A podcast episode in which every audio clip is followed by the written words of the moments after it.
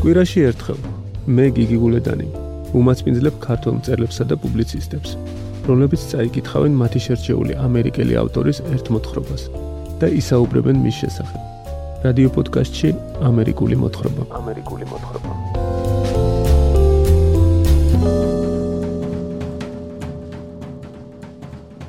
დღეს ამერიკული მოთხრობის 26 ეპიზოდში თქვენ მოისმენთ უილიამ ფოლკნერის მოთხრობას ვარდი ემილისთვის რომელიც თარგმნა ზაზა ჭილაძემ. მოთხრობა 2004 წელს მცირე შედევრის სერიის ფარგლებში დაბეჭდა გამომცემლობა დიოგენემ. როცა მის ემილი გრირსონი გარდაიცვალა, გასაფლავებაზე მთელი ჩვენი ქალაქი მოვიდა. კაცებს, ასე ვთქვათ, დამხობილი მონუმენტისადმი მოგზალებული პატივისცემა ამოძრავებდათ. ქალებს კი ძირითადად ცნობის მოყარეობის ჟინი. უნდათ შიგნიდანაც ენახათ ის სახლი, სადაც მოხუცის ზანგი მსახურის, ერთდროულად მებაღისა და მზარეულის მეც ეს ბოლო 10 წელიწადი აღარავის შეედგა ფეხი. დღევანდელი ეპიზოდისთვის უილიამ ფოლკნერის ვარდი ემილისთვის შეარჩია სცენარისტმა და მწერალმა კოტე ჯანდიერმა.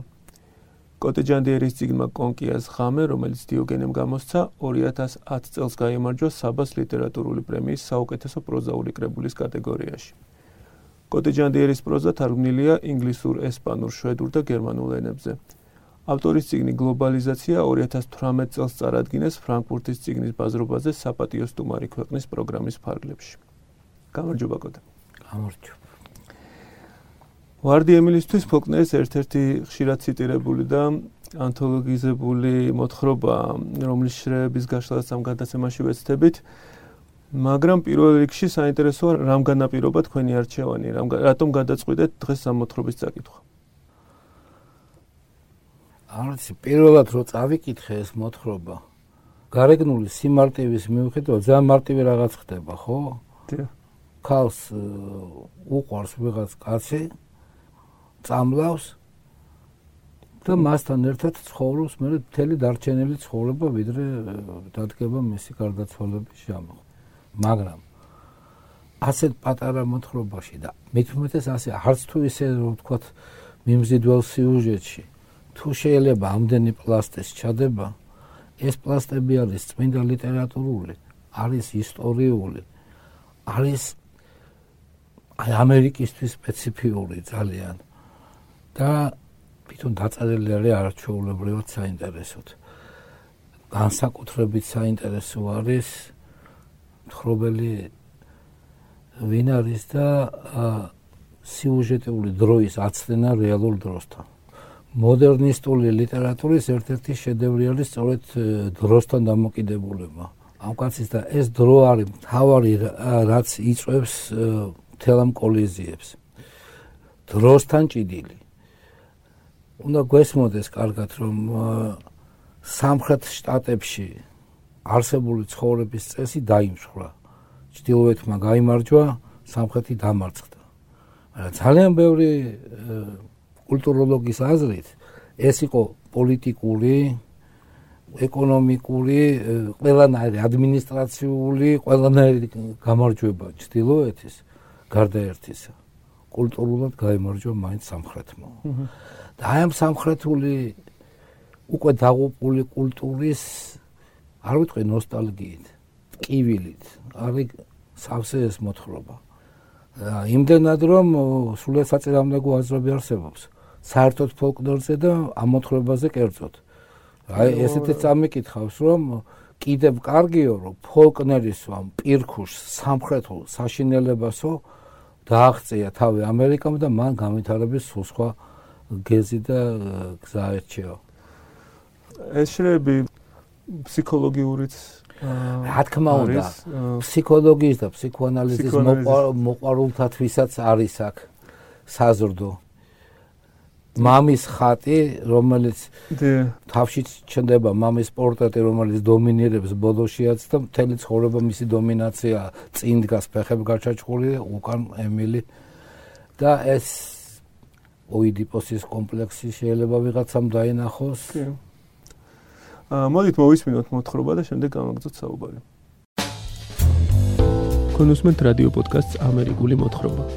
პროექტის რეგიონული პარტნიორები არიან: რადიო მარნეული, ინოცმინდის სათემო რადიო ნორი, ახალციხის რადიო სამხრეთის კარიბჭე და ქუთაისის რადიო ძველი ქალაქი. პროექტი ხორციელდება საქართველოსი ამერიკის საელჩოს მხარდაჭერით.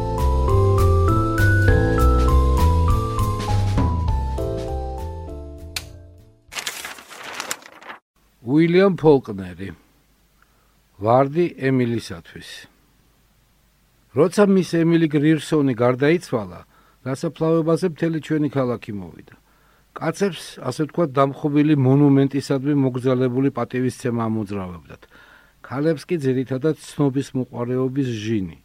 უნდათ შიგნიდანაც ენახათ ის სახლი სადაც მოხუცის ზანგი მსახურის ერთდროულად მებაღისა და მზარეულის მეც ეს ბოლო 10 წელიწადი აღარავის შეედგა ფეხი დიდი, სწორკუთხა, მთლიანი მორებისაგან შეკრული, ოდესღაც თეთრი, გასული საუკუნის 70-იანი წლების მძიმე და თან ქარაფშუტული მოდის მიხედვით გუმბათებით, შპილებითა და ჩუქურთმიანი აივნებით გაწყობილი სახლი თავის დროზე ქალაქის ყველაზე პრესტიჟულ და საჩინო ქუჩაზე იდგა.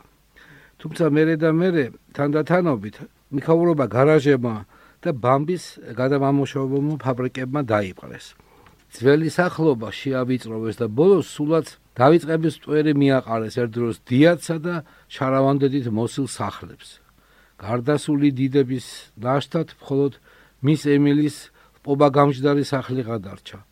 მაინ ჯიუტად რომ ყელყელაობდა ბამბი დატვირთული ფორნებით, საბარგო მანქანებით, бенზინის საქაჩი ტუმბოებითა თუ სხვა მრავალი სიმახინჯით გარშემორტყმული და თავადაც კიდევ ერთ სიმახენჯად ქცეული.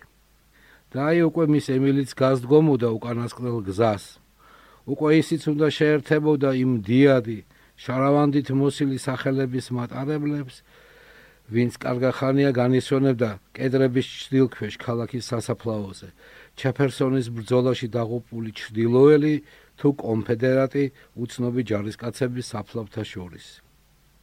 სიცოცხლეში მის ემილი ჩვენთვის ტრადიციას, მოვალეობას, საყოველთაო მზრუნველობის საგანს განასახიერებდა. მასზე ზრუნვა თელ ქალაქს თითქოს და ერთგვარ მემკვიდრეობით ვალდებულებად გადაექცა ჯერ კიდევ მამამისის გარდაცვალებიდან. უფრო სწორად 1894 წლის იმ დღიდან, როცა პოლკოვნიკმა სარტორისმა, მაშინდელმა მერმა, ვისი განკარგულებითაც ზანგ ქალებს ქუჩაში უწინსაფროდ გამოსვლა ეკძალათ. ერთხელ და სამუდამოდ გაათავისუფლა იგი ყველა გადასახადისაგან. მის ემილი, რა თქმა უნდა, ცოცხალი თავით არავისგან არანაირ მოწყალებას არ მიიღებდა და ამიტომ პოლკოვნიკ სარტორისაც რაღაც უთავბოლოს გაპრის მოყოლა მოუხდა. თითქოს მის ემილის მამას ქალაქისთვის დიდი თანხა ესესხებინა, ხოლო ქალაქი ცხადია მხოლოდ და მხოლოდ საქმიანი მოსაზრებებიდან გამომდინარე ვარის დაფარვას სწორედ ასე და ამნაირად ამჯობინებდა. მსგავს მიზეს მარტო პოლკოვნიკ სარტორისის თაობისა და წყობის კაცი თუ მოიფიქრებდა. დაჯერებით კი მარტო ხალი თუ დაიჯერებდა. მერე როცა მერებად და თვითმართველობის წევრებად ახალი, უფრო თანამედროვე იდეებით გამსჭვალული თაობის ხალხი მოვიდა, ხსენებული გადაწყვეტილების მართებულობაც საეჭვო გახდა. ამიტომ ერთხელაც სწორედ წლის დასაწყისში ქალაქის ახალმა ხელმძღვანელობამ მის ემილის საგადასახადო უწყება გაუგზავნა ფოსტით. თებერვალით მიიწურა, პასუხი კი იგვიანებდა. ცოტა ხანში უკვე ოფიციალური თხოვნა აახლეს, როცა მოგეხერხებათ იქნებ შერიფის ოფისში შემოიაროთ. ერთი კვირის თავზე პირადად მერმაც მისწერა, გნებავთ მე თვითონ გესტუმრებით.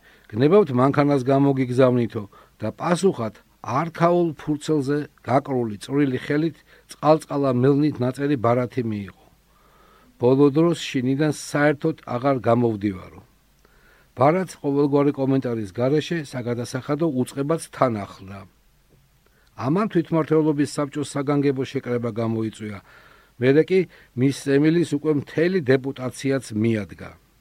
საკმაო ხანს მოუწიათ ლოდინი იმ ზღრუბთან, რომელზეც მას შემდეგ აღარ გადაებიჯებინა უცხოს, რაც ამ დეპუტაციის სტუმრობამდე დაახლოებით 8 თუ 10 წლით ადრე მის ემილი მოწაფეები დაითხოვა და ფაიფურზე ხატმის გაკვეთილებსაც ბოლო მოეღო. ბებერმა ზანგმა მსახურმა როგორც იქნა საშველი დააყენა კარი გამოაღო და მისულებს ჩაბნელებულ ხოლში შეუძღვა. საიდანაც კიბე ადიოდა და სადღაც კიდევ უფრო მუქ წყდია ჩიკარგებოდა ზემოთ. სახში მტრისა და კვდომის სუნი იდგა ჩახუთული ნესტიანი. ზანგმა სტუმრები მძიმე მასიური ტყავგადაფარებული ავეჯით გაწყობილ სასტუმრო ოთახში გაიყვანა. როცა ერთ-ერთ ფანჯარაზე სქელი ფარდა გადაიწია გამოჩნდა როგორ ერთიანად დამსკდარიყო და დაცხავებულიყო ავეჯზე გადაკრული ტყავი. ხოლო როცა სტუმრები დასხდნენ სავარძლებში გამჯდარი საუკუნოვანი მტვერი ზანტად ზლაზვნი დაიძრა ჭერისკენ და ოთახში შემოღწეული მზის ერთადერთ სხივში დაბზრიალდა. ბუხრის წინ გამჭვარტულ ოქროსფერ ვარაყიან მოლბერძე მისის ემილის მამის პორტრეტი იდო. ფანქრით ნახატი მე როცებ ყველანი ისევ წამოიშალენ რადგან ოთახში დიასახლისით შემოვიდა. დაბალი ტანსრული შაოსანი ქალი გულზე წვრილი ოქროს ძეწკვიკიდა წელზე კამარი ჰქონდა შემოჭერილი და ჩაშავებულ ოქროს ბუნიკიან შავი ხის ხელჯოხს ეყრდნობოდა. ბუნებით ძვალწვრილი უფრო შეშუპებული ჩანდა ვიდრე ჩოულებრივად მსუქანი უძრავ წყალში დიდხანს ნამყოფი გვამივით დასიებულს ფერის მკვტრისაედო ქონის ნაკეცებში ჩამჯდარი თვალები ცომის გუნდაში ჩატენილ ნახშირის ორ ნახეს მიუგავდა. და ამ თვალებს რიგრიგობით ჯიუტად უშტერება და დაუპატეჟებულ სტუმრებს ვიდრე ისინი თავიანთ მისიას დაასრულებდნენ. სკამი არ შეუთავაზებია მათთვის.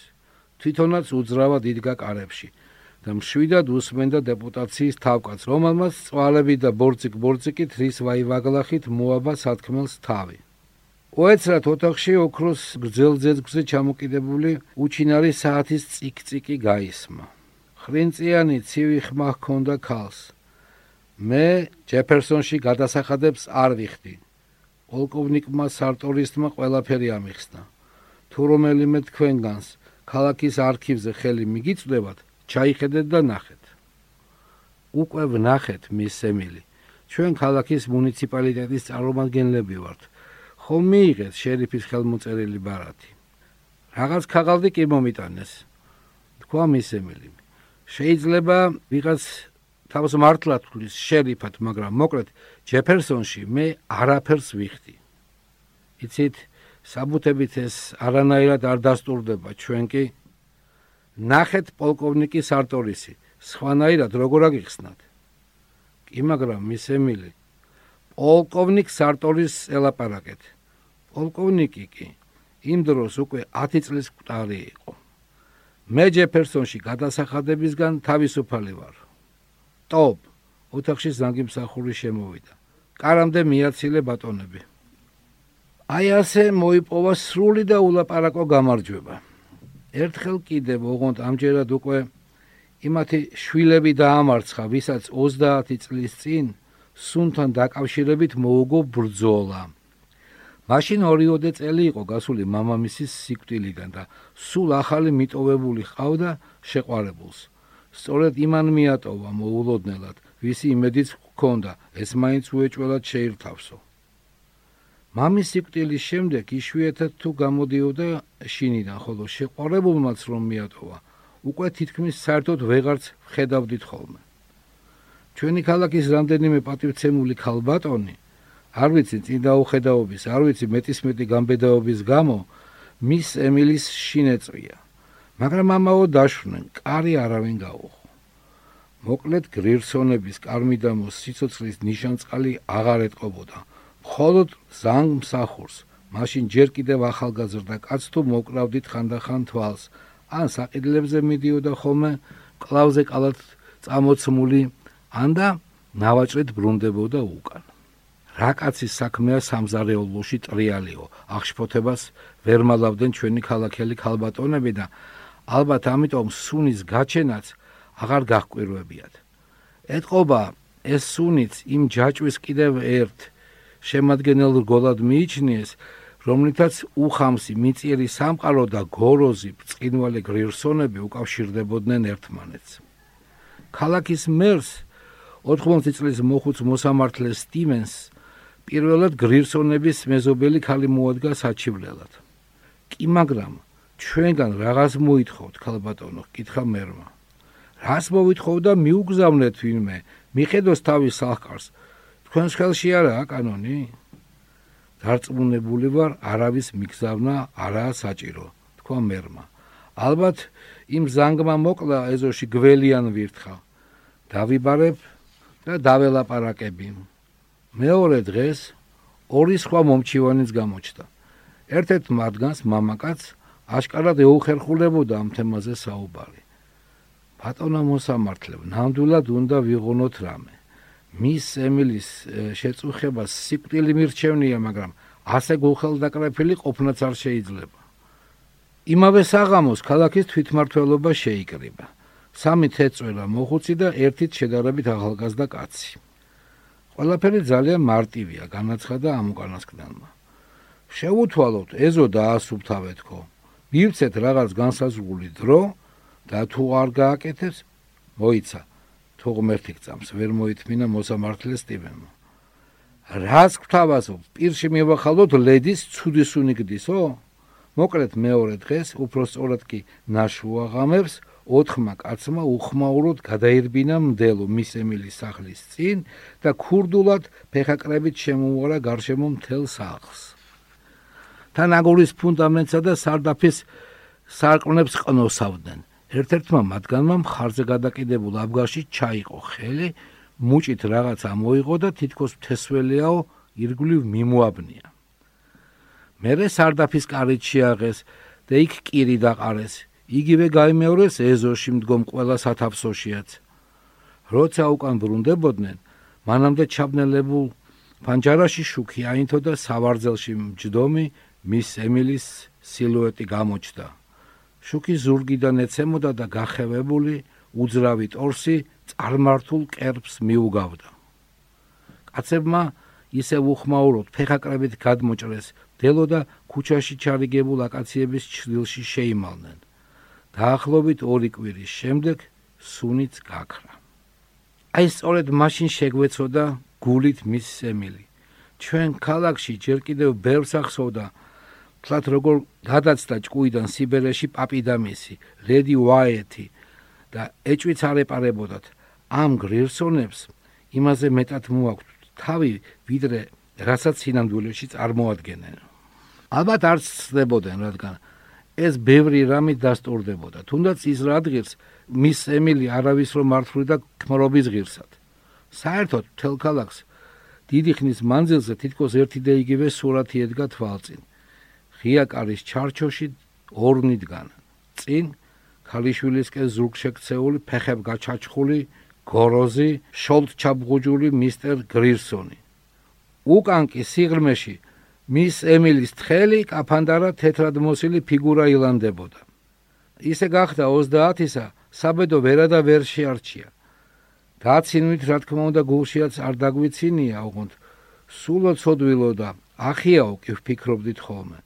გვარში სიგიჟე სიგიჟეთ, მაგრამ რამდენი თხოვნელი გამოუჩნდებოდა, თუ კი მართლა გამოუჩნდებოდა, ყოველასთვის ერთნაირად არ უნდა აებზუებინა ცხვირი. მამამისის გარდაცვალების შემდეგ გამოერკვა სახლის მეტი თურმე არაფერი დაუტოვებია ქალიშვილისთვის. და ამ ამბავმა გარკვეული თვალსაზრისით გაგვახარა კიდეც. ვიფიქრეთ, ეხლა კი გვაცდის და მოთმინებითაც აიტანს ჩვენგან თანაგზნობის გამომჟღავნებასო. ჩვენი თვალსაზრისით მარტო და მარტო და თანაც უარაფროდ დარჩენილი თითქოს უფრო უნდა გაადამიანურებულიყო. თითქოს იმასაც უნდა გადაზდებოდა ჩვენგან ყოველი ცენტის დაკარგვით გამოწეული სიმწარისა და ყოველი ცენტის დაზოგვით გამოწეული პატარა სიხარულის განცდის უნარი. მისტერ გრისონის გარდაცვალების მეორე დღესვე ჩვენი ქალბატონები ერთიანად დაირაზმნენ, რათა წესისამებრ მიესამძიმრებინა და დახმარებად შეეთავაზებინათ ჭირის უფლისთვის. მის ემილი კარტან შეეგება მისულებს ჩვეულებრივად ეცვა. წუხარების არავითარი კვალი არ ეტყობოდა სახეზე. მამა ჩემი არ მომკვდარაო, უთხრა ქალებს. ხუდლებიც მივიდნენ, ექიმებიც. ნება დაგვრთე მიცვალებული ქრისტიანულად დავასაფლავოთო. ის კი იმავეს იმეორებდა კიდევ სამი დღის განმავლობაში. უკვე კანონისა და ძალის გამოყენებასაც აპირებდნენ, მაგრამ უცებ თვითონვე მოტყდა და მიცვალებულით საჩქაროდ მიაბარეს მიწას. მაშინ ჯერ კიდევ არ ვამბობდით გიჟიაო. უბრალოდ სხვა გზა არ იყო და ვცდილობდით გაგვეგო მისთვის.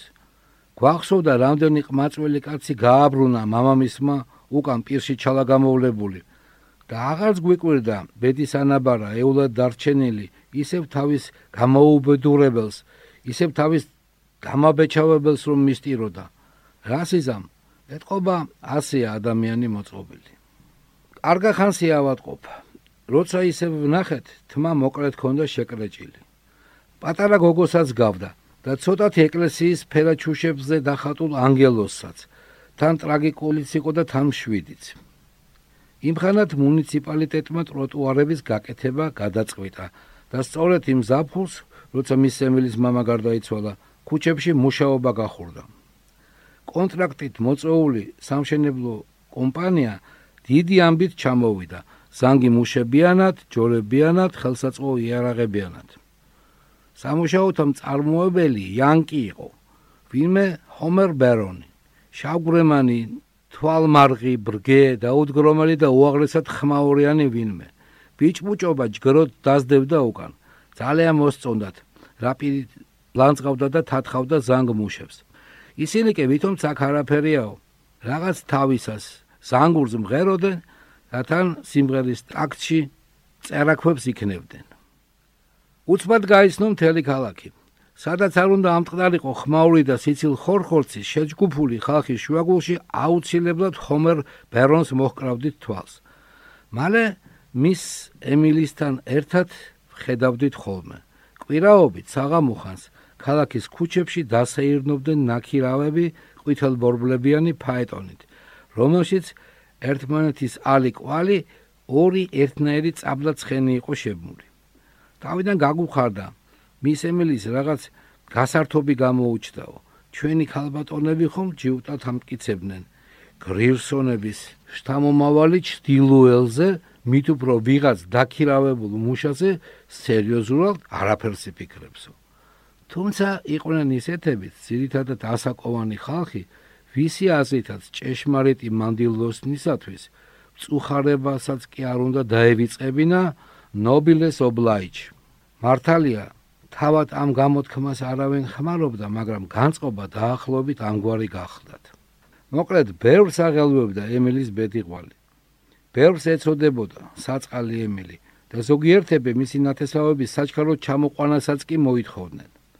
ალაბამაში ყავდა ბიძაშვილები მაგრამ მამამისმა დიდი ხნის წინ გაწყვიტა მათთან ყოველგვარი ურთიერთობა.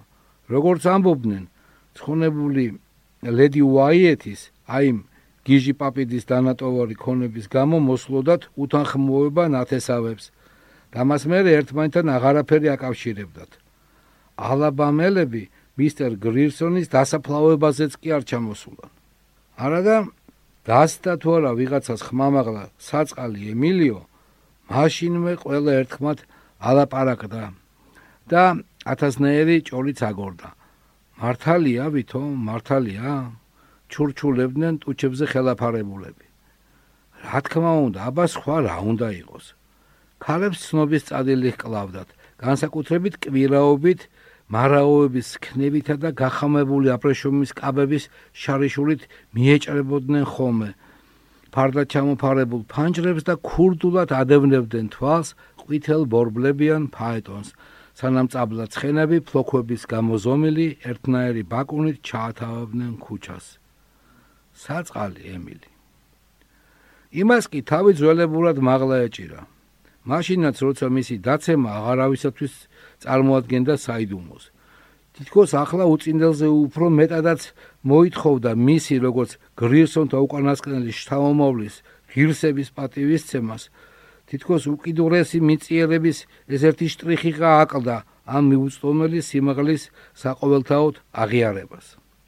სხვათა შორის, მაშინაც ასე ეჭირა თავი, როცა თაგვის წამალი იყიდა. ერთი წლის თავზე იმ დღიდან, რაც ქალაქში საწყალი ემილიო დაიწყეს ლაპარაკი. მასთან უკვე ორი ალაბამელი ბიზაშვილი სტუმრობდა. საწალავი მინდა უთხრა აფთიაქარს.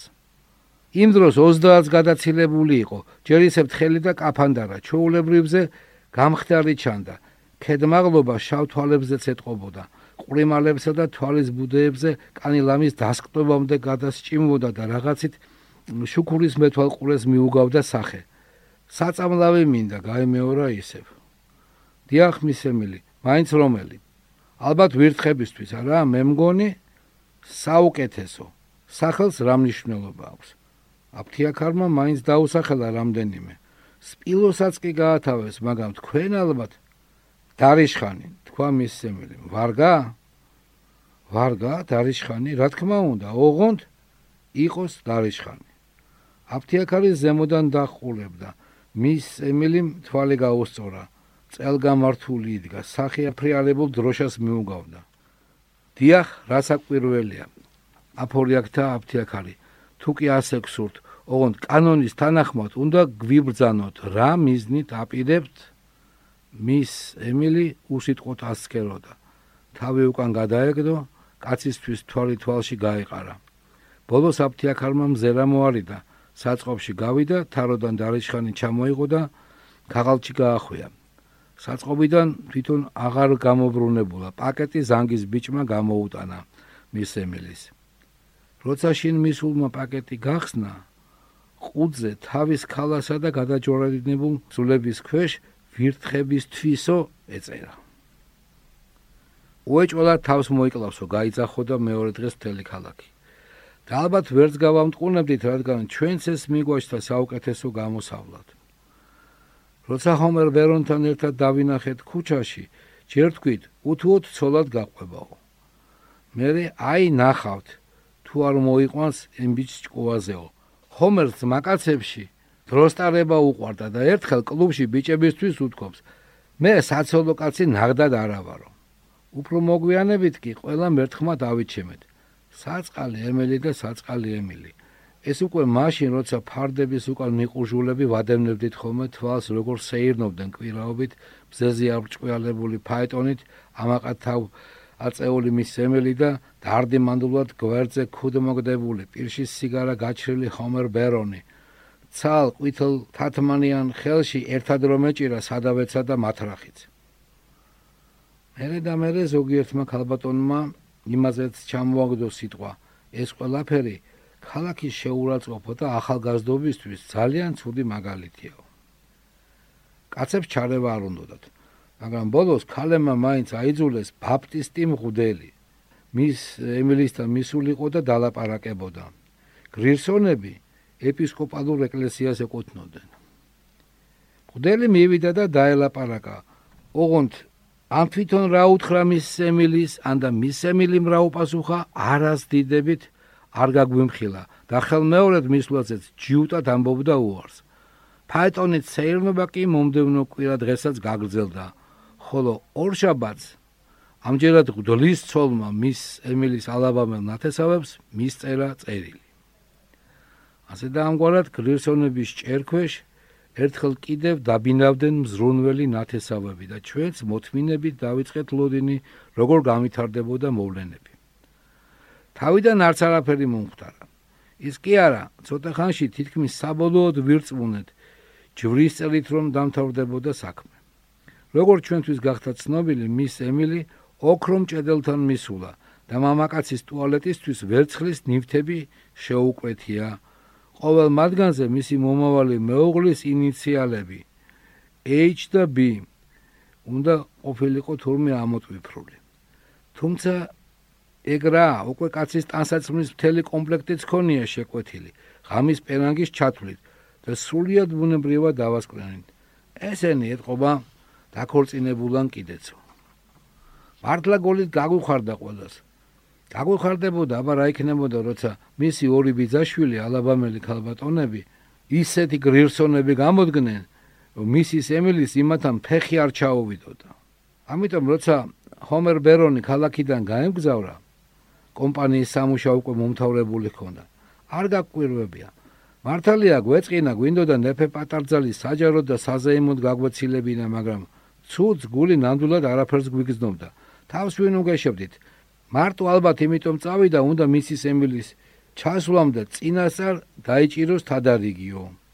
სხვათა შორის არც იმას გამოურიცხავდით, სანამ ემილი ბიძაშვილებთან ურთიერთობას გაარკვევს და რამენაირად თავიდანაც მოიშორებს, ქალები საქმეში ჩარებას დროებით გაცლა ამჯობინაო. ათესავებს შორის უკვე ფარული ომი მძვინვარებდა და ჩვენს მთელი ქალაქი მის ემილის მოკავშირეებად ვიქეცით ალაბამელთა წინააღმდეგ. ერთ კვირაში ბიძაშვილებმა მართლაც აიკრეს გუდანაბადი და როგორც მთელი ამხნის მანძილზე ველოდით, სამ დღეში ჰომერ ბერონიც დაბრუნდა. ერთმა მეზობელმა დაინახა, როგორ გაუღო უკვე შებინდებულზე ზაგმა მსახურმა სამზარეულოს კარი. თუმცა ეგ იყო და ეგ. მას შემდეგ მისთვის თვალი აღარ მოგვიკრავს. არც მისთვის და კარგახანს აღარც მის ემილისათვის. მარტო ზანგ მსახურს ხედავდით ხოლმე, როგორ დაათრევდა თავის კალათას აკეთიქით.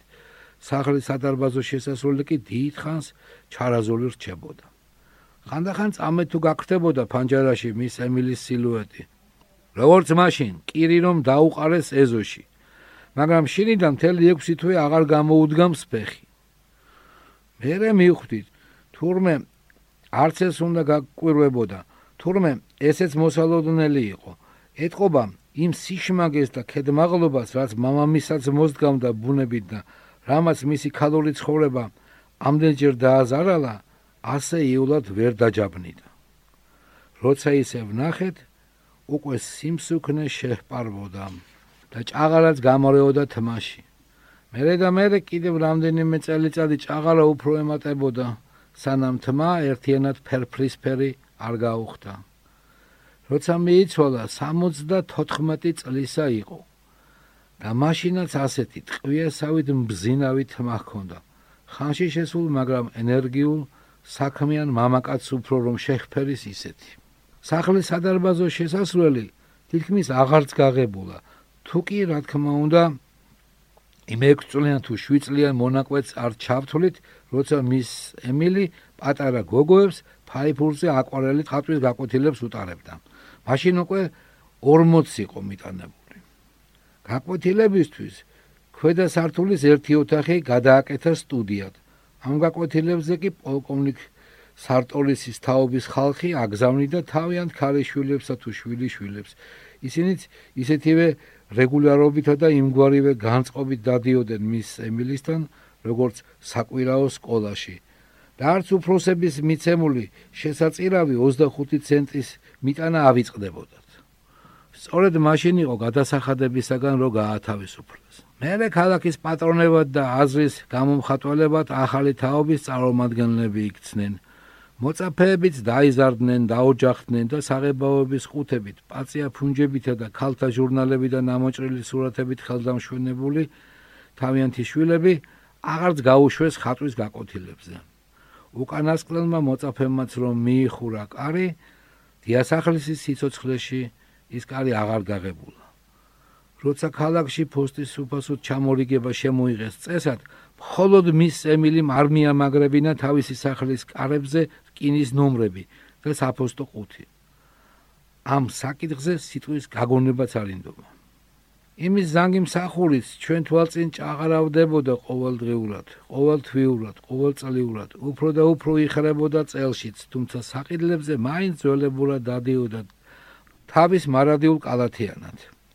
ყოველი წლის დეკემბერში ისევ ჯიუტად ვუგზავნიდით მის ემილის საგადასახადო უწყებას და ისიც ცხადია ხელუხლებელი ერთ კვირაში ფოსტითვე გვიბრუნდებოდა უკან.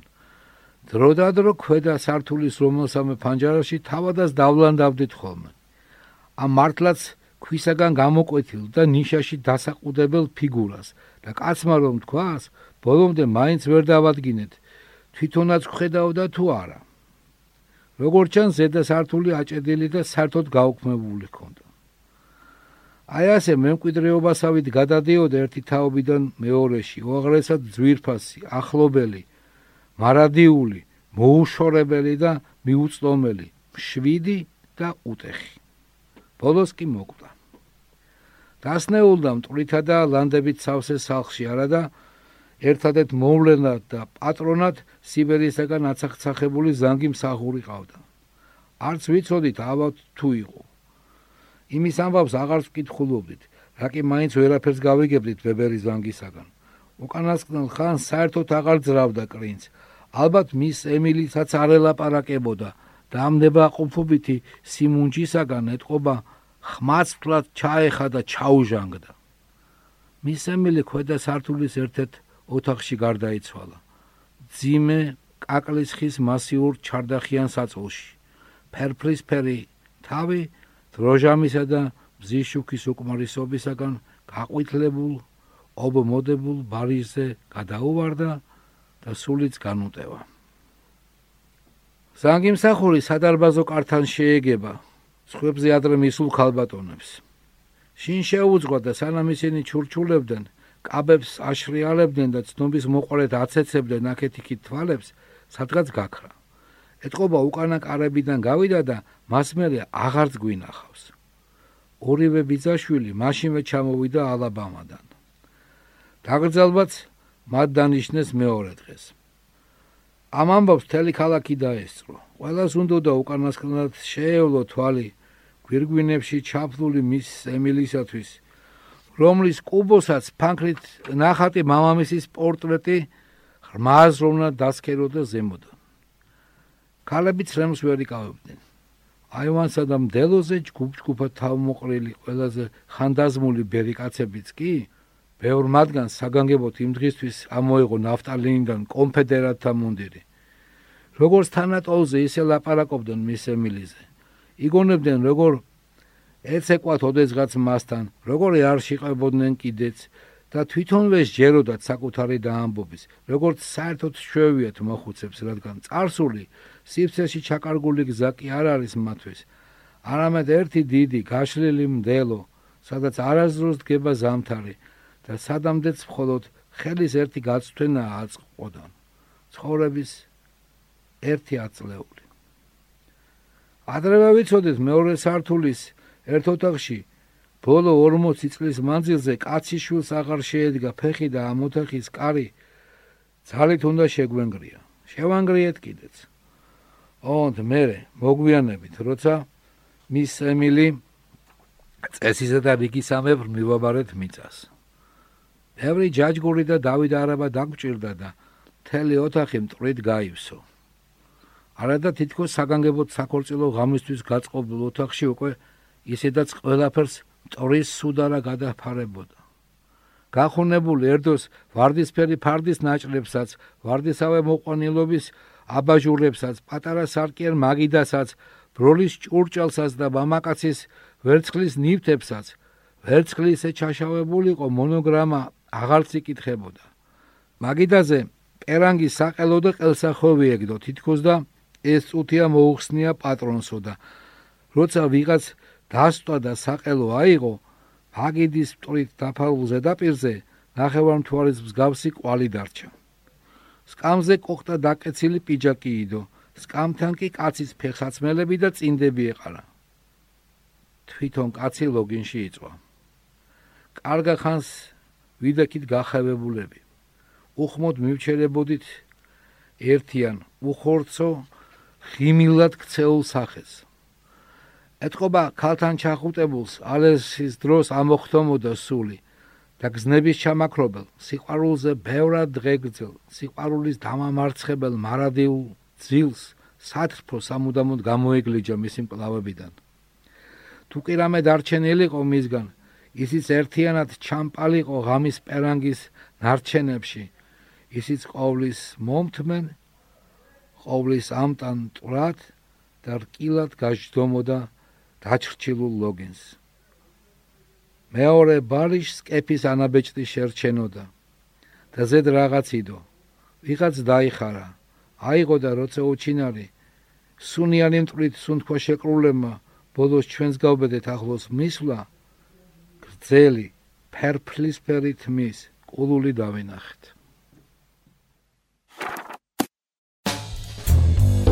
კონუსმენტ რადიო პოდკასტს ამერიკული მოთხრობა.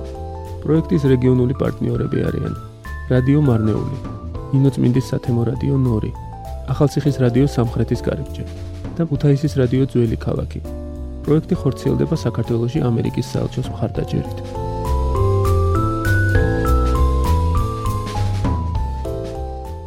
თქვენ უსმენთ უილიამ ფოლკნერის მოთხრობას ვარდი ემილისთვის, რომელიც გადაცემა ამერიკული მოთხრობისთვის წაიკითხა კოტე ჯანდიერმა. კოტე, კრიტიკოსები ამ მოთხრობაში ხშირად ხედავენ სხვადასხვა სახის დაპირისპირებებს, ზოგისთვის ესაა царსულისა და აწყოს დაპირისპირება, ზოგისთვის ამერიკული სამხრეთისა და ჩრდილოეთის царსულისა და აწყოსი. თქვენ რამდენად იზიარებთ ამგვარ შეფასებებს და შესაძლებელია თუ არა რომ ყველა ეს მოსაზრება მართებული იყოს და ეს ნაწარმოები მართლაც იტევდეს ამდენ შრეს ერთად აღებულს. დიახ, რა თქმა უნდა. იტევს და ეს თვალსაჩინო არის. დიდო სტატურად დაწერილ ტექსტში ეს დაპირისპირებები იგრძნობა მარტო თუ დააკვირდები ძალიან კარგად. ჯერთი ვინ არის მთხრობელი? მთხრობელი არის ჩვენ, კოლექტიური ჩვენ. ოღონდ ეს ჩვენ არ არის აბსტრაქტული გენერაცია. ჩვენ რო შევედით და ვნახეთ ემილის სახლი, ჩვენ რომ ვინ არის ეს ჩვენ? ეს ის ახალგაზრდა თაობა არ არის, ვინც დადიოდა ქალბატონ ემილისთან ფაიფურზე აკვარელის ხატვის ასწავლებლად, ხო? არც იმ თაობის არის ემილის გასვენებაშიო, კონფედერატების მუნდირები ჩაიწვეს და ისე გამომითავრეთ. ანუ ეს არის რაღაც საშუალო თაობა. აჰა. საშუალო თაობა, რომელიც როგორც ჩანს სამხრეთის დამარცხების დროს ან ბავშვები იყვნენ, ან შემდეგი გენერაცია არის და აი ეს ჩვენ დროსთან დამოკიდებულება საოცარი ამ ჩვენის. ხო? იმიტომ რომ ფაქტიურად სიუჟეტური დრო ეს იწება რაღაცა ქრონოლოგიაც არის დარღვეულია დარღვეულია თუმცა სულ ტოვებს ფოკნერი იმის საშუალებას რომ შენ აღადგინო ეს ცხვივი დრო. ხოთა შეიძლება ეგზისტენციის ეწერა რომ არსებობს 10-მდე ვარიანტი ამ ქრონოლოგიური წყობის. მაგითაც შეუულია გაერთოს ესეთი რაღაც არითმეტიკის მოყოლება იმიტომ რომ მითითებულია კაი რეალური ქრონოსი შემოდის ასეთი სახით რომ 1894 წელს გარდაიცვალა ემილის мама და მაშინ ის იყო 30 წლის. და მე ვიცით რომ გარდაიცვალა 74 წლის ასაკში. აი ამით ჩვენ შეგვიძლია აღვადგინოთ, თუმცა არ ემთხვევა. იმიტომ რომ გამოდის რომ გარდაიცვალა უფრო გვიან, ვიდრე მოთხრობაა დაწერილი თვითონ, ხო? თუ დავითვლით კარგად. ერთი ფრაზა ასეთი რომ სამხრეთის ტყიან ქალაქში მერიას ჩამოყავს ჩრდილოეთიდან. იანკი იანკი რათა მოკირწყლონ ქუჩები და ეს სამხრეთული მტვერი ერთხელ და სამუდამოდ დაიფაროს უმტვერო ქვაფენილით ხო რაღაცნაირად ესეც დროის ნიშანი არის გრიერსონების სახლი განასახიერებს რაღაც მიმდინარე დროსთან დაპირისპირების სიმბოლო დგას იმ სახში დრო არ არსებობს. იმ სახში გაჩერებულია ყველაფერი. ეს სუ ტრავმატიზმი არის. სამოქალაქო ომში დამარცხებული მხარის ხათაჩორის მან როცა მიდიან მოსამართლესთან, მოსამართლე 80 წლის კაცი იყო, ესე იგი ის სამხრეთი ახსოვს. და ეუბნებიან რომ კაცო სულმა შეგვაწუხა და რაღაცა ზომა მეიყეთო და თქვენო მე ხლა რას ვთხოვთო? ლედის უდა უთხოვ თქვენ სუნი გინდითო ცუდი სუნი ეს ხო წარმოუდგენელია ანდა თვითონ პოლკოვნიკი სარტორისი რომელმაც გაათავისუფლა გადასახადებისაგან და თანაც გააკეთა სამხედრული რაინდობით. ისე კი არა რომ მოწყალებათ შეეგრძნო მისემილის არამედ ისე გააკეთა რომ თითქოს და მის მამას უსეცხებია ქალაქისთვის და ეხლა ეს ქალაქი გაუთავებლად ამ სესხს უბრუნებს ამის და მოგონება მარტო მას შეეძლო სარტორის და ამის დაჭერება მარტო ხალხს შეეძლო თვითონ ვეწერს ფოლკლორი. ჩრდილოეთის შემოსვლა რო ახსენეთ ესეთი მოსაზრებაც არის რომ ეს მოთხრობა გარკვეულ კრიტიკოსებს დაყავთ იზოლაციასა და ამ იზოლაციის გარღვევის წარმატებულ ან წარუმატებელ მცდელობებზე. ხო, არა ეს ზედაპირზედებს იზოლირებული გარემო და მასში შეღწევის ცდელობები. ცდელობები, ბაშულის ცნობის მოყარეობის მომენტი რამდენჯერმე არის ხაზგასმული მოთხრობაში, განსაკუთრებით ეს როდესაც ქალბატონებს შეეხება. იმათო ცნობის მოყარეობა მომძრავებდათო და მამაკაცებსო უფრო მოწიწებაო. ეს არის იმ დაღუპული სამყაროს ემბლემა რაც შემორჩენილი არის. ამ თრობების განხილვას დასკვნის სახით ხშირად მოყვება ხოლმე ესეთი მოსაზრება, რომ ესაა მოთხრობა ნეკროფილიასა და ვოიერიზმზე. აა სადაც ვოიერის როლში მთხრობელი იგულისხმება. რამდენად ხედავთ მთხრობელის ხმის განვითარებას მოთხრობის დასაწყისიდან ბოლომდე, როგორ ვითარდება რაღაცნაირად იცვლება თუ არა? ანუ მე არ შემინიშნებს რომ რადიკალური ცვლილება მე მგონი არ იცვლება და უცვლელი არის და ერთონალობაში ლაპარაკობ. შეიძლება ვცდები, მაგრამ მე მგონი არ არის მანდ.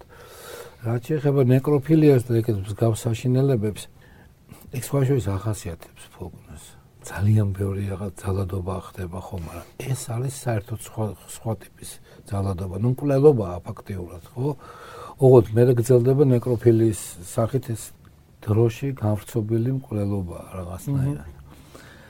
მკვლელობის შემდეგ რაც ხდება გრიერსონების სახში, ამის გამო მოთხრობას ხშირად ეძახიან გოთიკური რომანის ალუზიას, გახსენებას, რაღაცა მსგავს. გოთურ რომანში ეს არის აბსოლუტურად ესეთი აჩრდილი, აჩრდილია ის წარმო ყველაფერს თავის სახით. კრეტრად არის გაყოფილი აჩრდილთა წარმოსახვის სამყარო და და რეალობა იქ.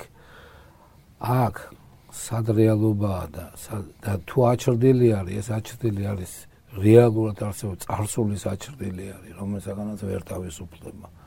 ვერც ეს კოლექტიური ჩვენ, იმიტომ რომ კერპატა ყავს წარმოდგენილი. და ვერც თვითონ ვერ გამოდის აი ამ როლიდან. ხშირად არის მინიშნებული აი კერ როგორც კერპატა. კი კი კი პირველი წინადადებაში. აი კი კირის მომნევის დროსაც რაღაც იმისავით გამოჩნდა. კი მისი ტორსია.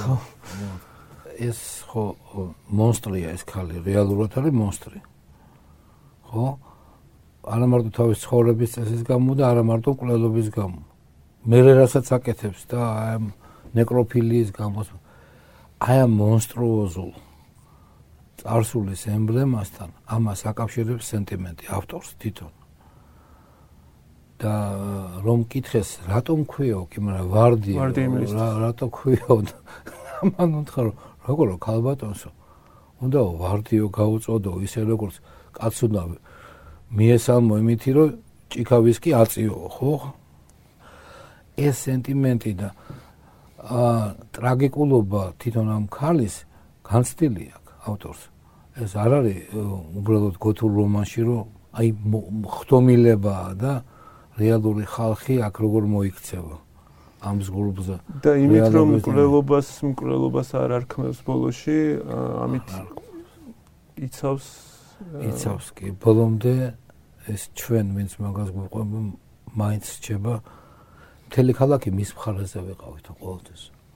ეხლაც მის მხარეზე არიან და ალბათ ამ საშინელების ნახვის მომენტშიაც კი იმ კულულმა და ალბათ ეგ ბალიში დასვენებული კულუდით იმ სენტიმენტის რა თქმა უნდა და აი ამ ამ საშინელების ხილვის მერე ეს კულული რომ ადამიანს კიდევ განაწყობს სენტიმენტალურად და მის მიმართ თანაგზნობით, ასე ვთქვათ.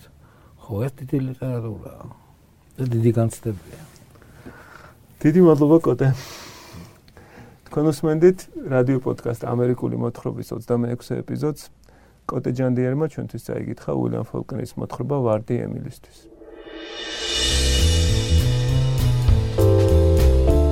ეს იყო ყოველკვირეული რადიო პოდკასტი ამერიკული მოთხრობა. აგვიზიარეთ თქვენი მოსაზრებები რადიო თავისუფლების ინტერნეტ პორტალსა და სხვა მითითებულ სოციალურ პლატფორმებზე. მე გიგი გულედანი ვარ. thank you